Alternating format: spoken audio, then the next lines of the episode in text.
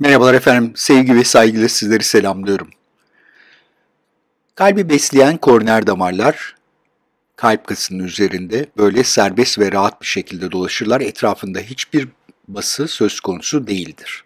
Serbest bir şekilde altındaki kası beslerler. Peki bizim bahsettiğimiz bası nasıl söz konusu olabilir? Biliyorsunuz kalp kası kasılıp gevşiyor ve bu kalbi besleyen damarlarda kasın üzerinde olduğu için bundan etkilenmiyor.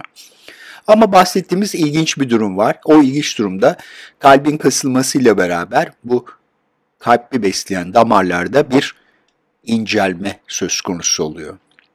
Buna biz kasın içinde seyrettiği için kasılmanın sonucunda normal olarak damarın daralması aklınıza bu hastada bir takım sorunlar yaratabileceğini getirebilir. Netekim burada görüyorsunuz kasılma öncesindeki çapı ne kadar ve kasılma sırasında çapı ne kadar. Ve dolayısıyla bu kişide sanki bir damar tıkanıklığı durumu olabilirmiş gibi aklınıza gelebiliyor. Bakın burada da görüyorsunuz kas beyaz renkli damarın üzerinde yani damar kasın içerisine doğru dalıyor. Yani aslında kasın içerisine dalıyor demek son derece doğru.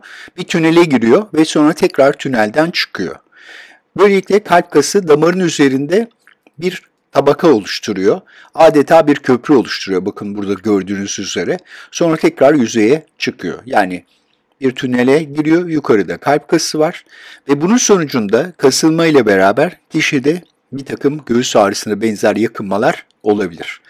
Ve böyle bir durumda da kişide ciddi sorunlar olabileceğini düşünebilirsiniz. Ama size şimdi şunu söyleyeyim. Ortalama %25 civarında görülüyor bu. Yani hiçbir şikayeti olmayan bir insana da anjiyo yapsanız bu olabilir. Sebebi çünkü kısa bölümler halinde gelişiyor ve genellikle sessiz herhangi bir sıkıntı yapmıyor. Bunun sebebi şu, kalp kası kasıldığında değil, gevşediğinde besleniyor. Dolayısıyla kasılmadan etkilenme şansı biraz düşük. Eğer ciddi şikayet varsa o zaman kişiye ameliyatı uygulanabilir ama bu genellikle enderdir. Seyrek göğüs ağrısı vardır. İleride koroner anjiyografi gerekirse akım basınç ölçümü dediğimiz özel bir test yapılabilir.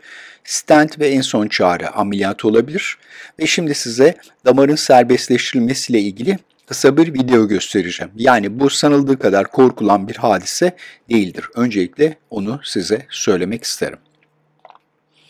Bazen bu tünele girdiği bölümde ilerideki dönemlerde kişide damar sertliği gelişme şansı söz konusu olabilir.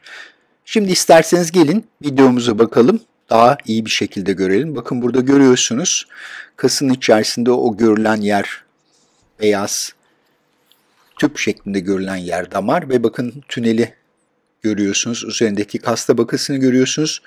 Bu elektrokoter denilen küçük bir cihaz yakıyor elektrik akımı ile buradaki kas dokusunu ve bazen damarlar oluyor. Ona da klip dediğimiz küçük metal klipsler koyuyoruz. Ve gördüğünüz üzere bakın üzerini serbestledikten sonra damarın üzerine elektrikle yakmaktan kaçınılıyor. Çünkü damara zarar verebilir. Ne kadar düşük olsa da elektrik akımı.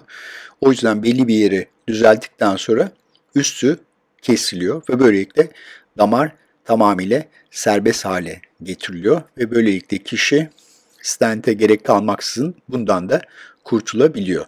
Bazen direkt olarak buna gerek kalmadan bypass ameliyatı da yapılarak iş daha da garanti altına alınan bir takım yöntemlerde söz konusu.